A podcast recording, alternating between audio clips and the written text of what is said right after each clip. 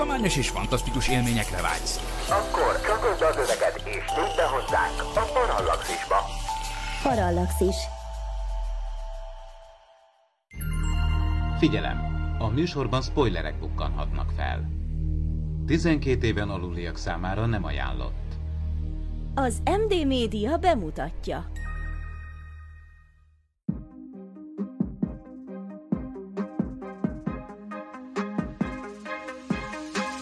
Tudományos és fantasztikus élmények Klaudiával, aki földrajztanár, Miklóssal, aki fizikus, és Ádámmal, aki nem.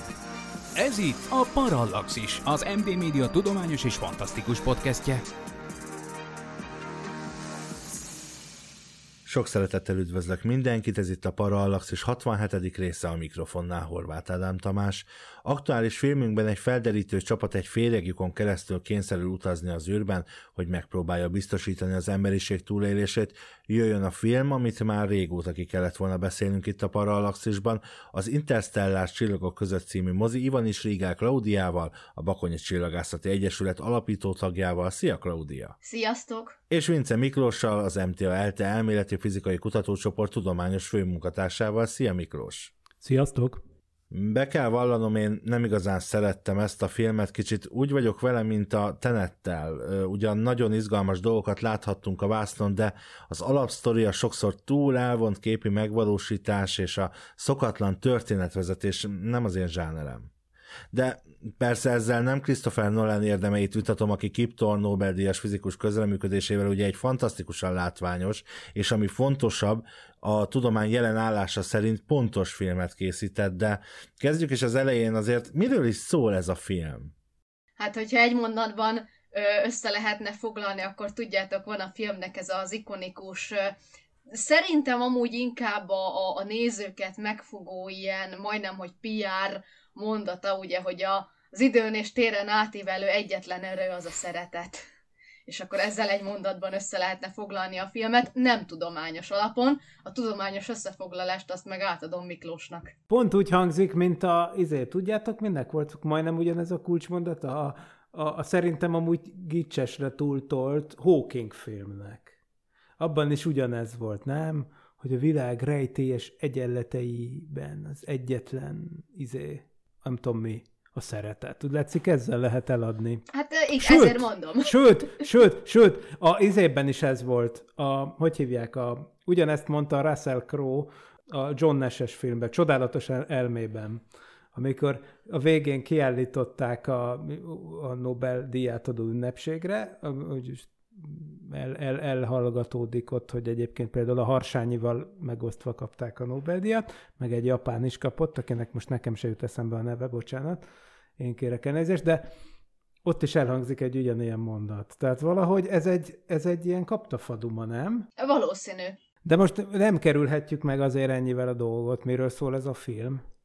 A, a, a, mult, a multiverzum brányait megrengető szereteten túl, ami azonban mégiscsak átsugárzik, és végül mindent legyőz, tért, időt és átível a szingularitáson, kijut az eseményhorizonton túl is, ahonnan semmi nem juthatna ki, de mégis egy olyan tesszarakt keretén belül egy olyan szeretett komplexum épül itt ki, ami tulajdonképpen rezgésbe hozza az egész világegyetemet.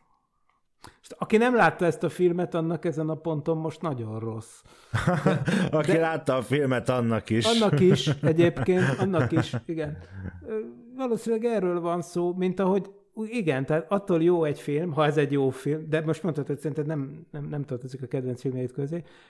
Biztos, hogy, hogy ki van dolgozva, hogy van ennek egy ilyen rétege. Mint hogy ugye jó filmeknél van egy ilyen réteg, ahol mindenféle egy emberi jellemfejlődéses vonal.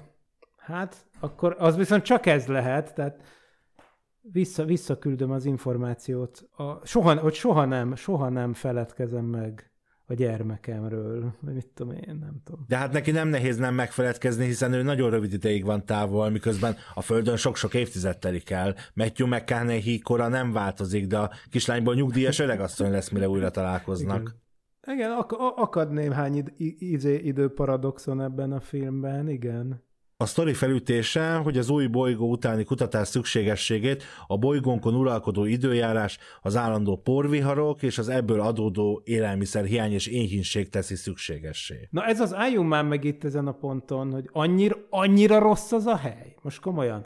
Tehát, hogy, hogy megnézzük, hogy izé, oké, okay, porviharok dúlnak, meg izé nem terem a kukorica, meg minden. De most, amit a filmben mutat, az a föld, az annyira rossz. Nem tűnik annak. Hát igen, tehát, hogy, hogy, hogy nekem itt úton útfélem még, amikor a Mars terraformálásával beszélgettünk, ugye itt a... a... Mátyás Bencével. Így van, Mátyás Bencével.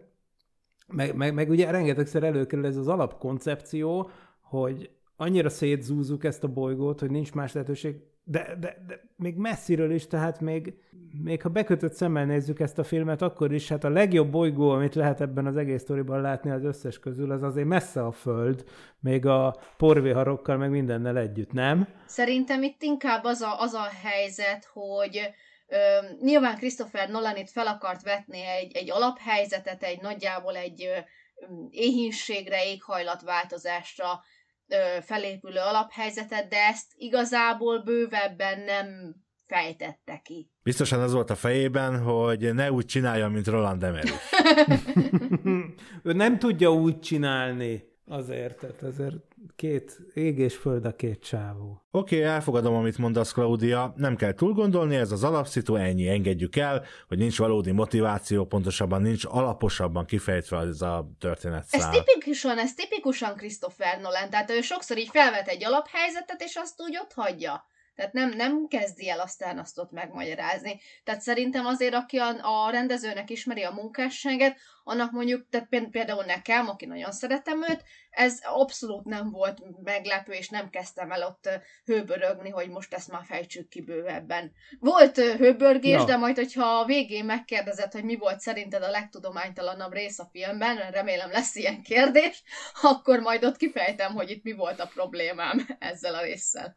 Jó, oké, ezt én is el tudom fogadni, persze, hogy nem kell túl gondolni, csak ez egy általános jelenség. Tehát most Christopher Nolanen túl, ugye egy nagyon gyakran előkerülő érv, hogy, hogy, hogy ne is az, hogy most féreg lyukakon jó messzire, hanem hogy még azért akarjuk például terraformálni a Marsot, azért akarunk több bolygós faj lenni, mert annyira lakhatatlanná válik tennénk a bolygót, hogy hogy, hogy, hogy könnyebb nekünk, mit tudom én, elkö, a nulláról újra alakítani egy, egy bolygót, egy ökoszisztémát, egy akármit, terraformálni, mint, mint mondjuk egy helyre rakni ezt, kettő, mondjuk akár leköltözni a tenger alá, vagy egy valami búravárosba, vagy, vagy tehát, ugye annyi lehetőség van, ami nem annyira szexi, úgymond, mint az, hogy, hogy, hogy, hogy költözzünk el lehetőleg minél messzebb, hogy de ér, érte, értem a motivációt, meg persze nyilván van egy adag mozgalmárság, amire Claudia is utalt, hogy, hogy igen, ez is egy N plusz egyedik klímakatasztrófára felhívó film. Mindazonáltal az is lehet, hogy tűpontos ennek az ábrázolása, hiszen ha belegondolunk,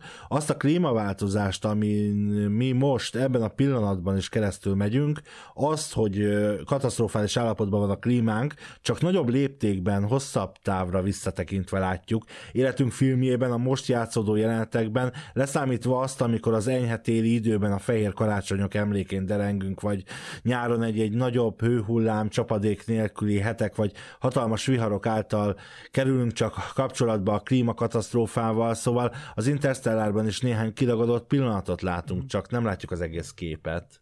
Ebben a filmben az emberiség számára ugye, alap, vagyis ilyen túl, három túlélési tervet vázolnak föl ugye ott a, a, a, az okos emberek, hogy a, a, a nagy ö, világválságban és éhínség és klímakatasztrófa közepette kb. ilyen fél underground üzemmódban működő NASA. Muszáj beszólnom ide, hogy a kedvenc jelenetem a filmben, amikor a szereplők azt hiszik, hogy nagy bajban vannak, mert betörtek a területre, kb. azt hiszik, hogy kinyomják a szemüket és elássák őket, mire kiderül, hogy hát mi vagyunk a NASA. Igen. Óriási, vagy például az iskolában a holdra szállásról hangzik el pár dolog, ami hmm. elképesztő.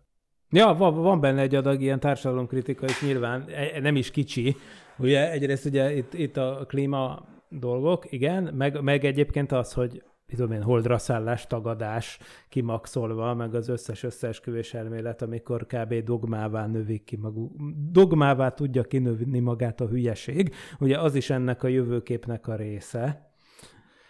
Kicsit eszembe is jutott róla az Idiocracy című film, amiben egyébként ugye megint csak az van, hogy egyébként ott azért ült be a mezőgazdasági katasztrófa, mert időközben el, elfelejtik, hogy vízzel kell öntözni a kukoricát, és nem, én nem tudom milyen energiaitallal, ugye? és akkor, de emlékeztek arra, szerintem valahogy zseniális film, és az annak idején ugye még egy science fiction vígjáték volt, csak aztán ugye Donald Trump lett az Egyesült Államok elnöke, és onnantól hirtelen nem is tűnt annyira elrugaszkodottnak az egész. Na, viszont, viszont azt akartam elmesélni még, hogy, hogy ugye e, ez a NASA Underground, ez a mafiózó jellegű NASA, ugye annak idején a film szerint ugye három forgatókönyvet vázolt fel az emberiség számára. Igen. Ugye az volt az A terv, ha jól értem, hogy az egész emberiség úgy testületileg költözzön ki. A B, és, és akkor ehhez képest a B terv volt az, hogy, hogy űrhajósok vigyenek magukkal rengeteg lefagyasztott embriót, hogy akkor valahogy újraindítsák az emberi történetet. Ezek mind, mind kudarcba fulladtak. Aztán ugye látjuk végig is, hogy, hogy lesz egy téridő csavar az egészben, és akkor jól megoldódik az egész. De, de azért, azért lássuk be, hogy, hogy azért az eléggé overkill, hogy a Föld annyira le van robbanva, hogy az merül fel tervként, hogy költözzünk ki akár egy másik bolygóra, akár egy Saturnus körül keringő teljesen mesterséges forgó űrállomásra, tehát, hogy érdekes, hogy olyan alaposan ki van dolgozva egyébként tudományosan ez az egész, de pont ez, pont ez szerintem annyira életszerűtlen. Persze mondhatjátok, hogy a többi sem életszerű, csak tudományos, ugye a kettő az nem ugyanaz, tehát elég, elégedjünk meg annyival, hogy relatíve kevés tudománytalanság történik a filmben, mondjuk. Nem kell, hogy még életszerű is legyen. a gyakorlatban hogy kell ezt elképzelni? Leszáll egy életre alkalmas bolygón egy űrhajó, aztán kikelnek az embriók, vagy mi? Nem, nem, ott űrhajósokkal együtt, a B-terv szerint, ezt most ki, ki lettem okosítva Interstellárból egyébként, tehát ugye a te, ha, ha, ha jól értelmeztem, de igazából ugye többféle tervet ö, csinálnak itt az emberiség számára, és a B-terv az az, hogy az Endurance nevű űrhajót azt emberekkel küldik el szerintem, csak visznek még mellette 5000 fagyasztott embriót. Tehát azért valakik ott laknak, tehát mondjuk, hogy mondjam, csak űrhajósokat, visznek magukkal, csak a genetikai változatosság feltartására kellenek a beültetendő embriók, akik majd úgy generációról generációra azért kellenek, hogy a telepes csapat az ne legyen teljesen beltenyésztett, mint a Habsburgok spanyol ága, ugye? Inkább beszélgessünk a film tudományos oldaláról, mert a történet annyira unalmas, hogy el tudom képzelni, hogy a kedves hallgatók mennyire unják, ahogy mi erről beszélünk. Na, én nekem ez az egyik kedvenc filmem. De figyelj, de te a 2001 űröd is azt mondanád, hogy unalmas. A 2001 űröd összeja persze, hogy unalmas, de az a 2001 űröd összeja. Nem csoda, hogy Nolan az Interstellar ikletét Kubrick legendás alkotásából merítette. Igen, és szerintem sikerült is méltó emléket állítania az űröd összejának, akárki akár Nyilván, mond. persze. Egyértelmű vizuális utalások. És pont annyira nem értjük, hogy mi a franc van a végén eleve Christopher Nolan, ö, tehát biztos, hogy nem az átlag nézőnek készítette. Ugye van, van, e, van egy olyan, olyan nézői réteg, aki tényleg ez a várja, hogy a szájába repüljön a sültgaram, tehát hogy tényleg mindent a szájába kell rágni, és még akkor sem biztos, hogy megérti. És annak idején én sose felejtettem el, hogy akkor én még annyira nem voltam benne, tehát nem volt még olyan tudományos, mondjuk úgy, hogy képzettségem, ami most nem a végzettségemet, hanem a saját magamnak a, a képzését jelenti.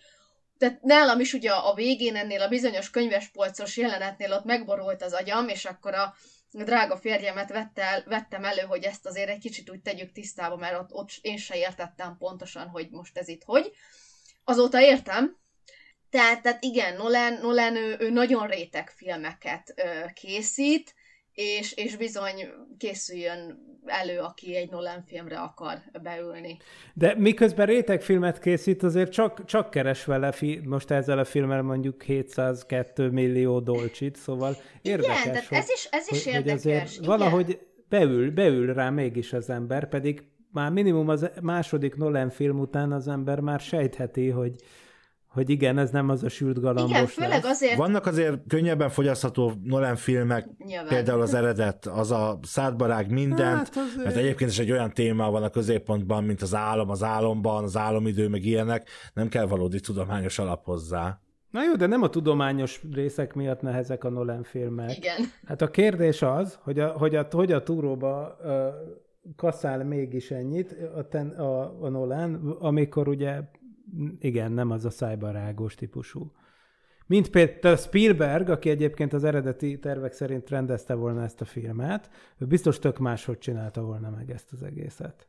Nagyon érdekes amúgy, hogy hogy csinálta volna meg, mert egyébként tud, is, ismeritek a film ötletének a sztoriát, hogy érdekes, hogy ez is visszavezethető Carl Saganhez, csodálatos módon, mint minden. Nem lepődünk Ugye- meg. Nem lepődünk meg, ugye arról volt szó, de ezt ugye az általad is lobogtatott, és, és ugye a Kovács Józsi által magyarra is lefordított könyvből, amit Ki- Kip Thorne írt, ami az, hogy az, az, The Science of Interstellar, tehát gondolom az inter, a csillagok között tudománya, vagy mi a magyar címe neki?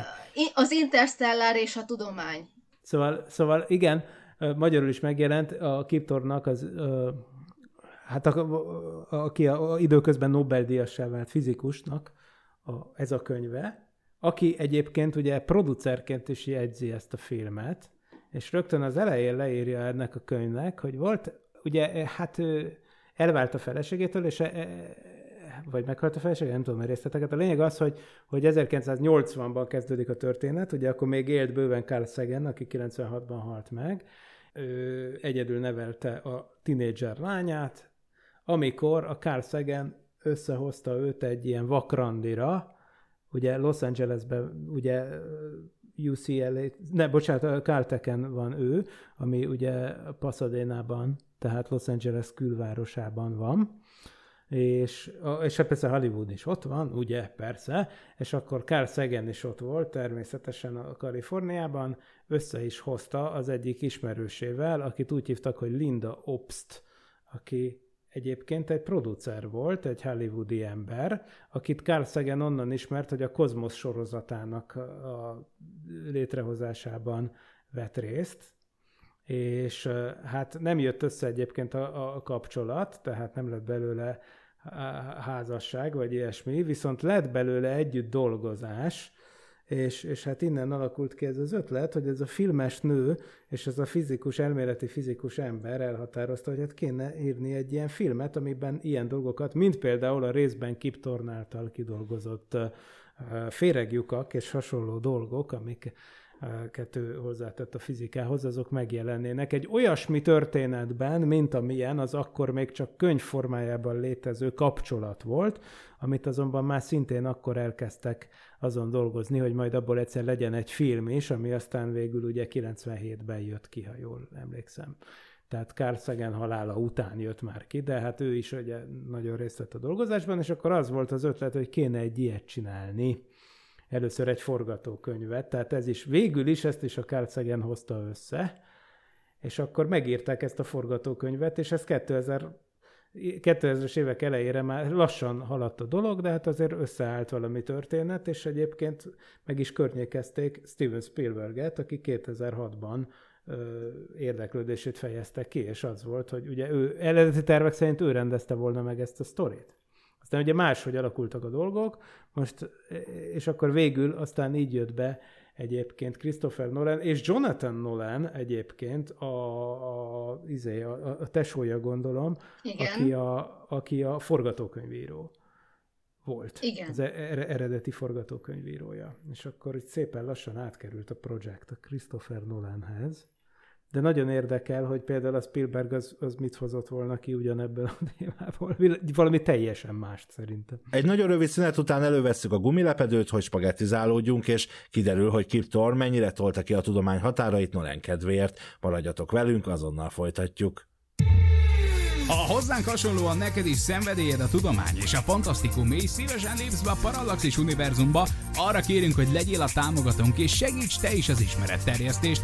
Látogass el a patreon.com per Parallaxis címre, ahol a különleges tartalmak mellett már akár napokkal korábban hallgathatod a Parallaxis podcast legújabb részét.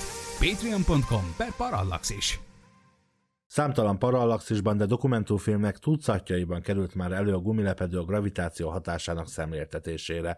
Ebben a filmben pedig a megjelenést, főleg ami a fekete lyukat illeti, a tökére fejlesztették. Ezen a gargantuának keresztelt gravitációs kúton keresztül pendítik meg szereplőink az idő és a térdimenzió kúrjait. Hogy milyen jó, hogy nem a Michio Kaku lett a filmnek a tudományos szakértője, mert ugye az ő fő, fő elmélete a, fa- fekete lyukaknál ugye az a spagettizálódás, hát így minden elnyúlik, mint a spagetti, most ilyen nagy vonalakban mondom, de szegény főszereplőnk az így spagettizálódott volna, és akkor nem lett volna semmi ilyen könyves polcos dolog. Igen, hogy az nem csak a kaku, hát az ember ugye elvileg ugye tényleg spagettizálódna, Viszont ugye itt valami csuda dolog történik, mert hogy a spagetti, egyébként, na akkor nézzük meg először is, hogy mondtad, hogy, hogy próbálj, próbáljuk meg megoldani gumilepedő nélkül, ugye nyilván.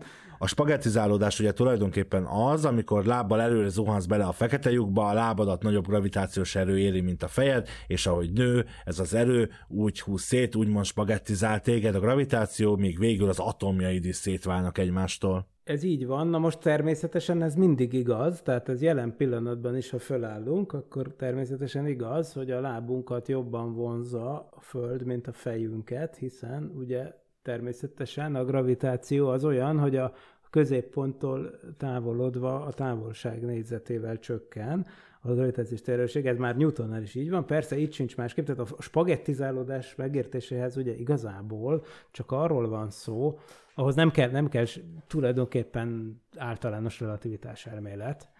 Ugye egyszerűen arról van szó, hogy mennyit változik az adott cuccnak a méret skáláján belül az, hogy, hogy mekkora a gravitációs erő különbsége. Tehát mondjuk úgy mond a, a, a, a talpad meg a fejed között. Nyilván, hogyha például egy akkora objektum lennél, hogy akkor csak rá, rákötök arra, amit a Moonfall-nál már beszéltünk, a Ross limit, emlékszel, hogy, hogy ugye arról volt szó, hogy például, hogyha a hold az túl közel kerülne a Földhöz, akkor úgy, úgy mond az árapály erők szana széjjel szakítanák, hiszen ugye a, a, a hold az egy olyan nagy jószág, hogyha már olyan közel behoznád, hogy mondjuk mit tudom én, 40 ezer kilométerre satsz per kb. behoznád a Földhöz, akkor olyan nagy lenne már a, a két vége közti gravitációs vonzóerő különbség, tehát ez a, ami a két vége között hat, hogy, hogy, hogy azt már a szakító szilárdsággal nem bírnák ki, és ugye úgymond szétszakadna az egész hold.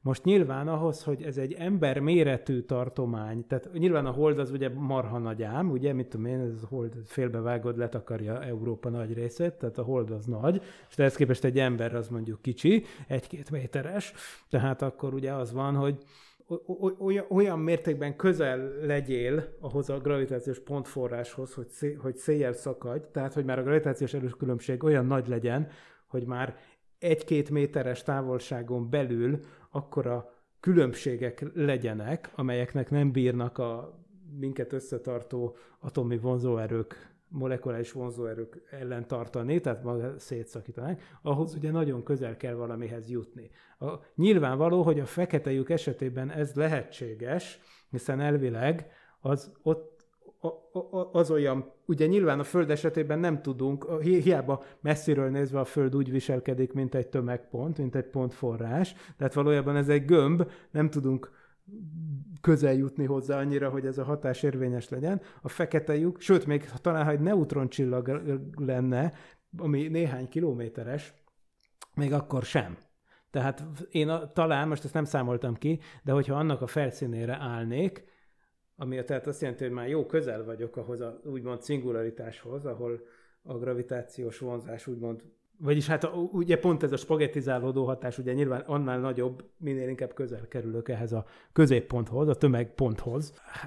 Még egy neutroncsillag se lenne hozzá elég. A fekete, lyuk, a fekete lyuknak is a belsejébe kell menni ahhoz, hogy a spagettizálódás megtörténjen, ami azt jelenti, hogy ugye van, azt megtanultuk már, meg ezernyi parallaxis adásban elmeséltük, hogy van ez az esemény horizon nevű felület, ami ugye egy nem forgó fekete lyuk esetében egy gömb, ha forog a fekete lyuk, akkor, akkor lapulhat, de, de mondjuk egy nem forgó fekete lyuk esetében ez egy gömb alakú tartomány, amin belülről már nem tud kiszökni a fény. Na most a spagettizálódási határ az bőven azon belül van. Tehát annyi jó dolog van, hogyha kívülről nézzük azt, hogy a barátunk belepottyan a fekete lyukba, akkor nem fogjuk látni ezt a horror sót.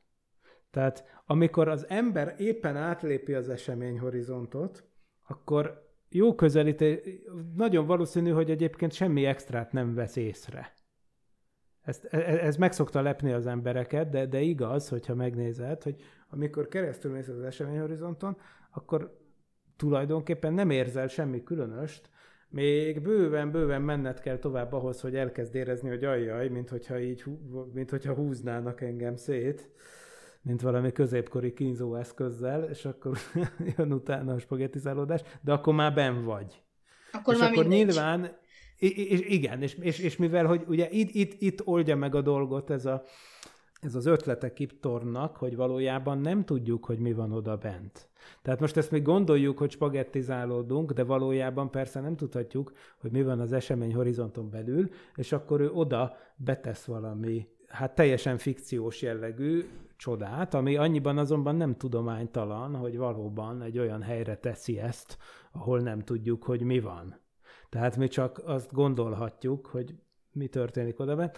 De, de persze ott az a feloldása a dolognak. Ugye a legvégén, amikor a főhős, meg ez a robotja neki, ez a szerkezet, ők konkrétan belepottyannak a gargantuának, ennek a fekete lyuknak a- az esemény horizontján belőle. Ott ugye honnan már nincs visszaút. De akkor ott mégiscsak van visszaút, mert oda bent meg találnak valami olyan csuda dolgot, amikről kide, amiről kiderül, hogy egy kvantumgravitációt megfejtő szupercivilizáció már oda berakta nekik szépen, és akkor valahogy ez lehetőséget jut nekik arra, hogy, hogy ezeken a bránokon, vagy micsodán keresztül, amiről majd biztos beszélünk, mert nem úszhatjuk meg, azokon keresztül információt küldjenek át. És akkor te most már itt a Mégis. hiperkockáról beszélsz-e? Igen. Jó, oké. Tesseract, igen, de akkor ez Tesseract. hiperkocka magyarul. Hiperkocka, Igen. az egy hiperkocka, Hiper, igen. Ez egy hiperkocka, így van, így van. Amiről ugye nem tudjuk mi, de azt tudjuk a filmből egyértelműen, hogy az valami mesterséges cucc. Igen, igen, ezt ugye pont, hogy a robotjának el is mondja ugye a főszereplő, hogy, hogy ez emberek által épített, hát ne- nem mondja ki, azt hiszem nem mondja ki konkrétan, hogy emberek által, de hogy egy fejlett civilizáció által épített, azt csak sejteni lehet, hogy talán, talán az ember. És, és valóban, valóban tényleg ez tűnik megfejtésnek, mert ha jól gondoljuk ezt az egész érdekességet, ugye végül is az a megfejtés az egésznek, hogy most, most valahogy a storyline-t megpróbálom rekonstruálni, és aztán javítsatok ki. De hát kiderül, hogy emberek nem, Persze, a végén igen, is hangzik. Én is azt hiszem, hogy kiderül. Tehát az elején akkor még ott nem, ne, nincs kimondva, csak az, hogy ez egy fejlett civilizáció csinálta, ezt mondja a robotjának, és ugye nyilván utána kiderül, hogy emberek. Ugye a filmben az van, először is utólag megtudjuk, hogy volt egy három, három űrhajósból álló küldetés. Na, először is valamikor megjelent a Saturnus közelében egy féreglyuk bejárat. Igaz? Igen. Nagyjából a Saturnus távolságában egyszer csak ismeretlen okok miatt megjelent egy ilyen valami. Most akkor picit talán érdemes beszélni arról, hogy mi, mi a bubánat volna ez. Ugye ezek olyan egyébként instabilnak tűnő megoldásai a téridő a görbülete és a benne levő anyagmennyiség kapcsolatát leíró Einstein egyenleteknek, amik olyanféle járatok, amelyek ugye a téridő távoli pontjait kötik össze. Hát, hogyha ott vagyunk ugye a jó kis, hogy hívják nál, a gumilepedős hasonlatnál, akkor ugye ezek az ilyen csövek, amik a gumilepedő két távoli pontjait összekötik, féregjáratok, Einstein-Rosen híd, ugye ilyesmi neveket is illetik ezeket a konstrukciókat. Tehát egy ilyennek a, ilyennek a bejárata valahogy feltűnik.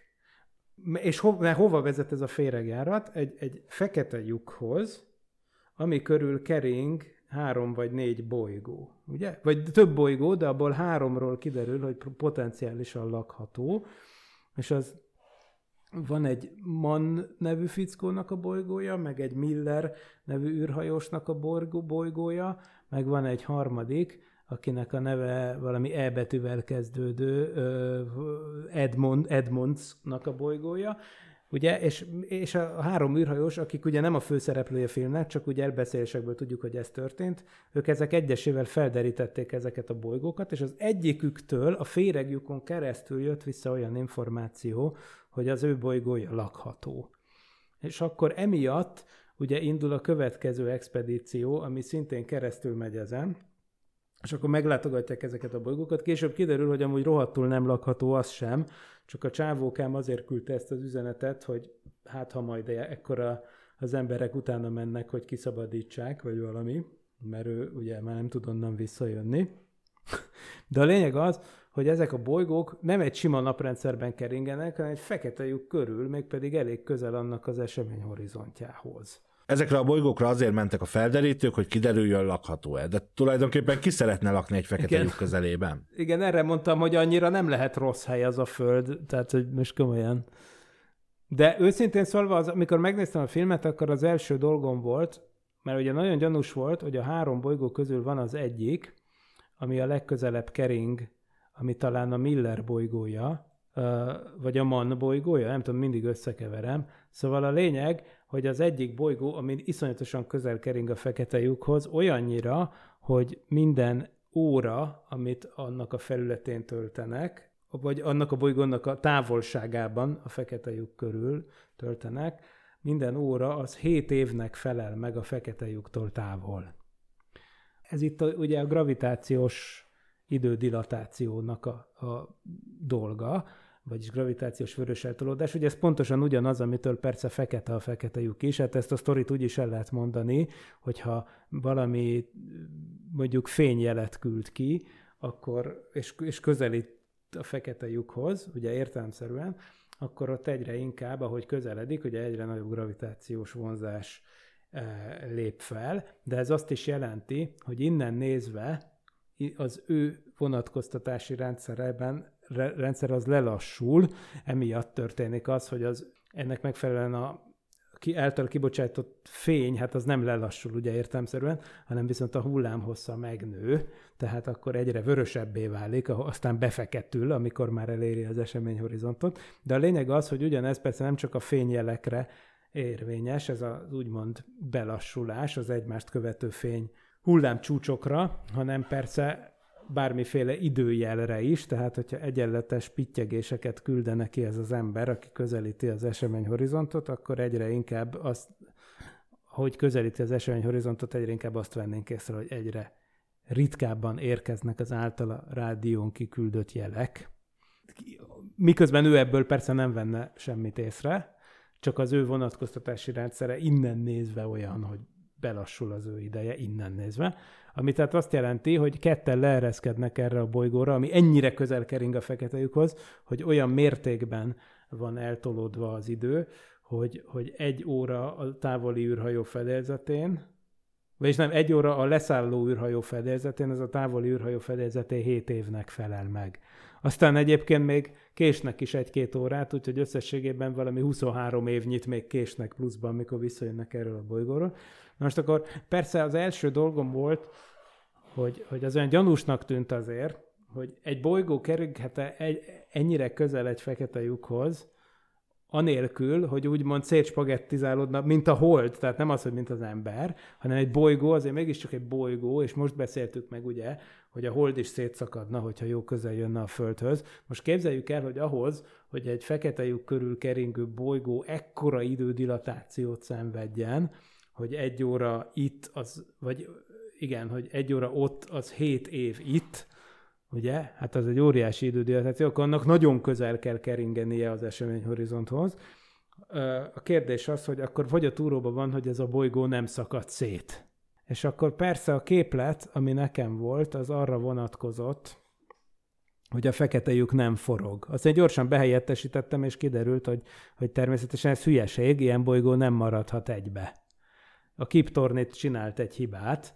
Na persze aztán a Kiptornak erre is van dumája, hát ő nem lenne a Kiptorn, hogyha nem lenne egy dumája, úgyhogy ebbe a Science of interstellar ezt is kimagyarázza, azzal, hogyha az a fekete lyuk az annyira rettenetesen gyorsan forog, hogy nem tudom hány trillió fordulatot tesz másodpercenként, na akkor megoldható. De egyébként ez fordítva volt, tehát a Nolan mondta neki, hogy, hogy ekkora idődilatáció kéne, és akkor erre mondta a Kipton, hogy nem, ezt nem lehet megcsinálni, sajnos nincs az az Isten, és akkor mondta azt az érvet, amit én is mondtam. De aztán mondta, hogy már pedig ezt itt kell csinálni, és akkor ahogy ez lenni szokott, ugye a Kipton hazament gondolkozni, és mondta, hogy hát tulajdonképpen, hogyha a fekete lyuk ennyire rohadt gyorsan forog, ami amúgy lehet, hogy teljesen irreális, mert egyébként annak is van egy felső határa, hogy teszem hozzá én, de mindegy, ezt ő biztos jobban tudja, mennyire forog gyorsan egy fekete lyuk. De a lényeg az, hogy azt mondja, hogy ezzel így összességében kijön a matek. Nem értem az összefüggést, hogy a fekete lyuk forgásának gyorsasága hogy függ össze azzal, hogy a bolygó nem szakad szét? Ugye arról szólt az állítás, hogy, hogy milyen közel kering az esemény horizonthoz. Viszont, hogyha forog a fekete lyuk, akkor az esemény horizont az nem gömb alakú, hanem egy, han, hanem egy ki, kidomborodó forgási ellipszoid. És akkor viszont annyiból érdekes a dolog, hogy ott viszont túlél, akkor viszont olyan ért, ahhoz meg már elég messze van, hogy, hogy a bolygó ne szakadjon szanaszéjjel.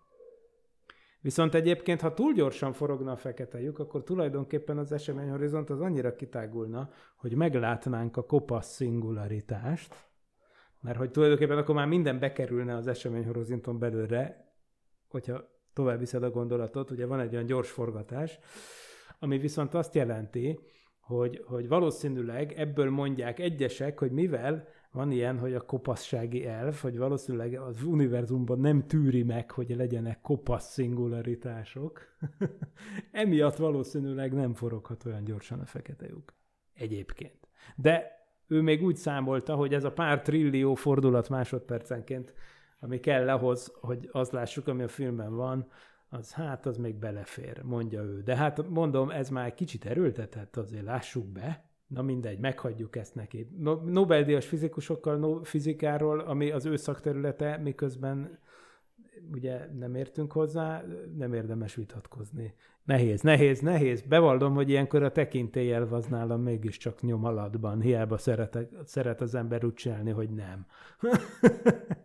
És itt az elmaradhatatlan kérdés, szerintetek melyik volt a legtudománytalanabb momentuma a filmnek? Jön a kedvenc kérdésem, és most végre rendesen meg tudom válaszolni.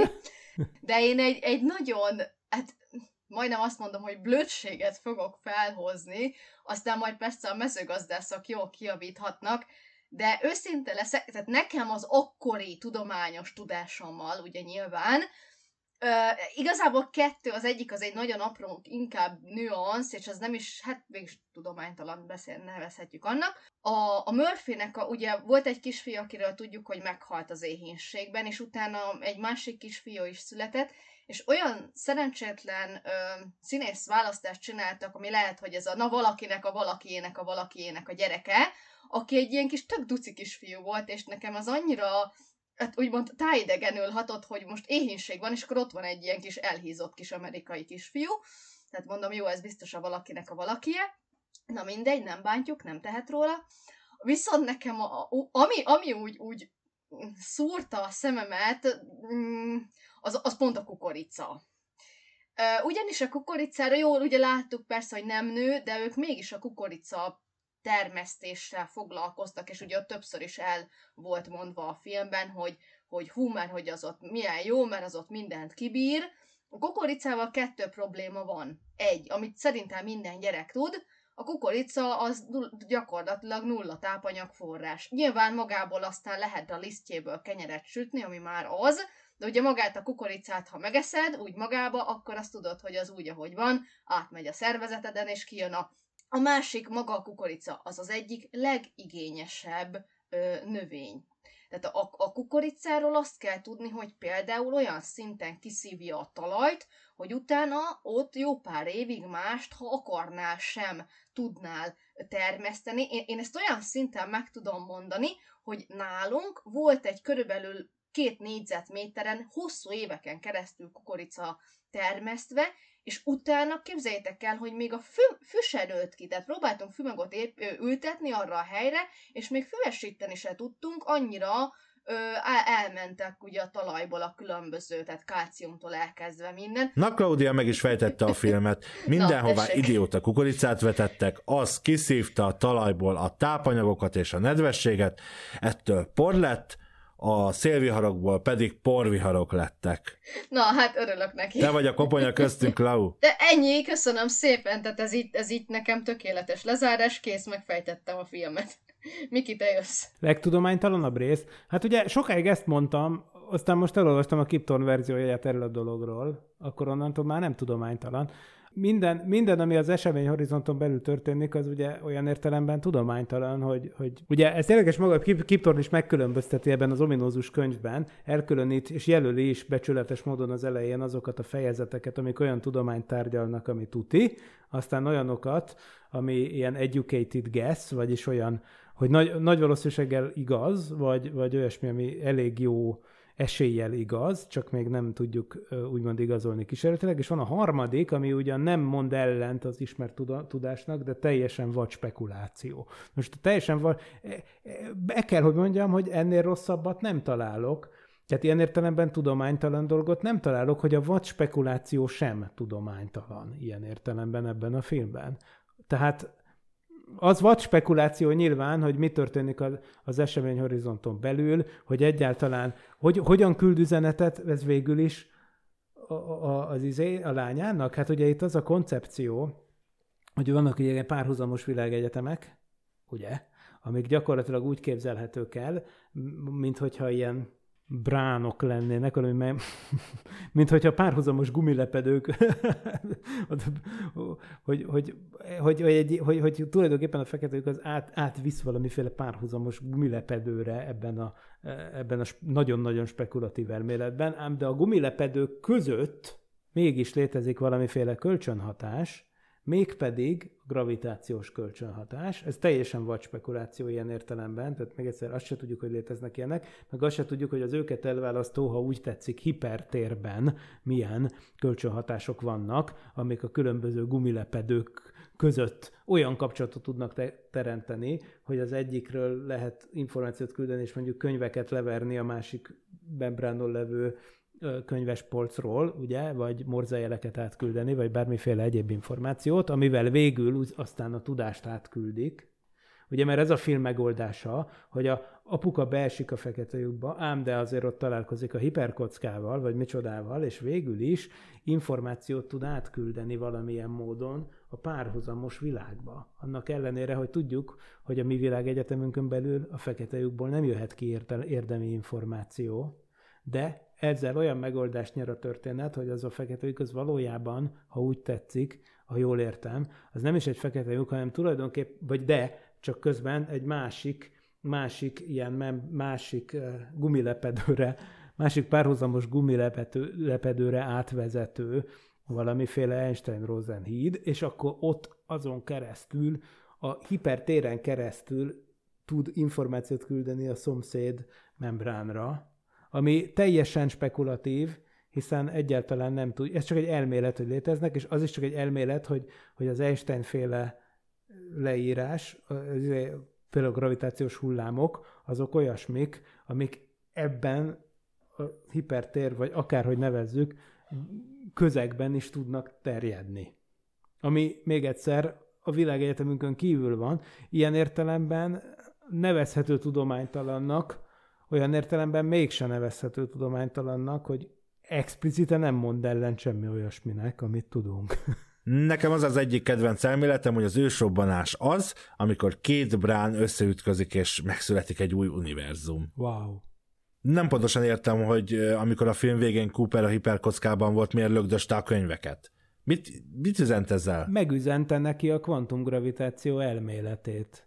Igen, Tehát mert valahogy ugye... az óráján keresztül, amikkel, amikkel aztán az emberiség olyan tudásra tett szert, ami lehetővé tette a faj túlélését, például a talán az ide-oda utazást is, mert aztán a végén értem egy a lánya, vagy mit tudom én micsoda, tehát valahogy végül is itt a bránok közti utazás, vagy információ, vagy, vagy anyag átvitel lehetősége is felgöngyölítődik, meg a korlátlan, korlátlan kozmikus civilizációvá válás. Mert hogy a kozmikus tudás tudójává vált az emberiség, amit most visszaküldött az emberiségnek, amivel az emberiség a kozmikus tudás tudójává vált, és így tovább. Ez is egy időparadoxon, nem? Hát i- De, hogyha elmondjuk, elfogadjuk azt, hogyha azok is emberek voltak, akik ezt a hiperkockát csinálták, meg ezt a tudást, meg akik oda tették eleve a Saturnushoz ezt a bejáratot, akkor ez egy paradoxon, igen. Én nem tudom, majd a Klau ezt is megfejti. Nem. Én annyit akartam ehhez fűződően mondani, hogy tulajdonképpen ez a saját értelmezésem végül is, de abból, amit most itt Miklós kifejtettél, teljesen megállja a helyét, hogy ugye egy olyan üzenetet küldött vissza, egyrészt nyilván tudjuk, hogy a Murphnek volt egy személyes üzenet ugye a könyveknek a ledobálásával, hogy ne menj, oké, okay, de hogy egy olyan üzenetet küldött vissza, amit az emberek megfejtve lehetővé váltak, vagy lehetővé tette azt az emberek számára, hogy újfajta technológiát építsenek, és ugye ezáltal építették meg a magát ezt a hiperkockát, Szóval, ha ezt nem teszi meg, akkor nem épül meg a hiperkocka. Tehát igen, ez egy paradoxon. Ez a film tele van időparadoxonokkal. Mondom, hogy ez a méltó folytatása a 2001 űr Odüsszejának, csak nem hiszed el nekem. Csodálatos, a műsor végére kiderül, hogy ez egy jó film. Körül, hogy ez egy jó film. Hát ezt eddig is tudtuk. Nem tudom, hogy ti hogy vagytok vele, de amilyen nehéz ez a film, olyan nehéz is erről beszélni, de mivel véget ért a műsorunk, nem is kell a filmről többet beszélni.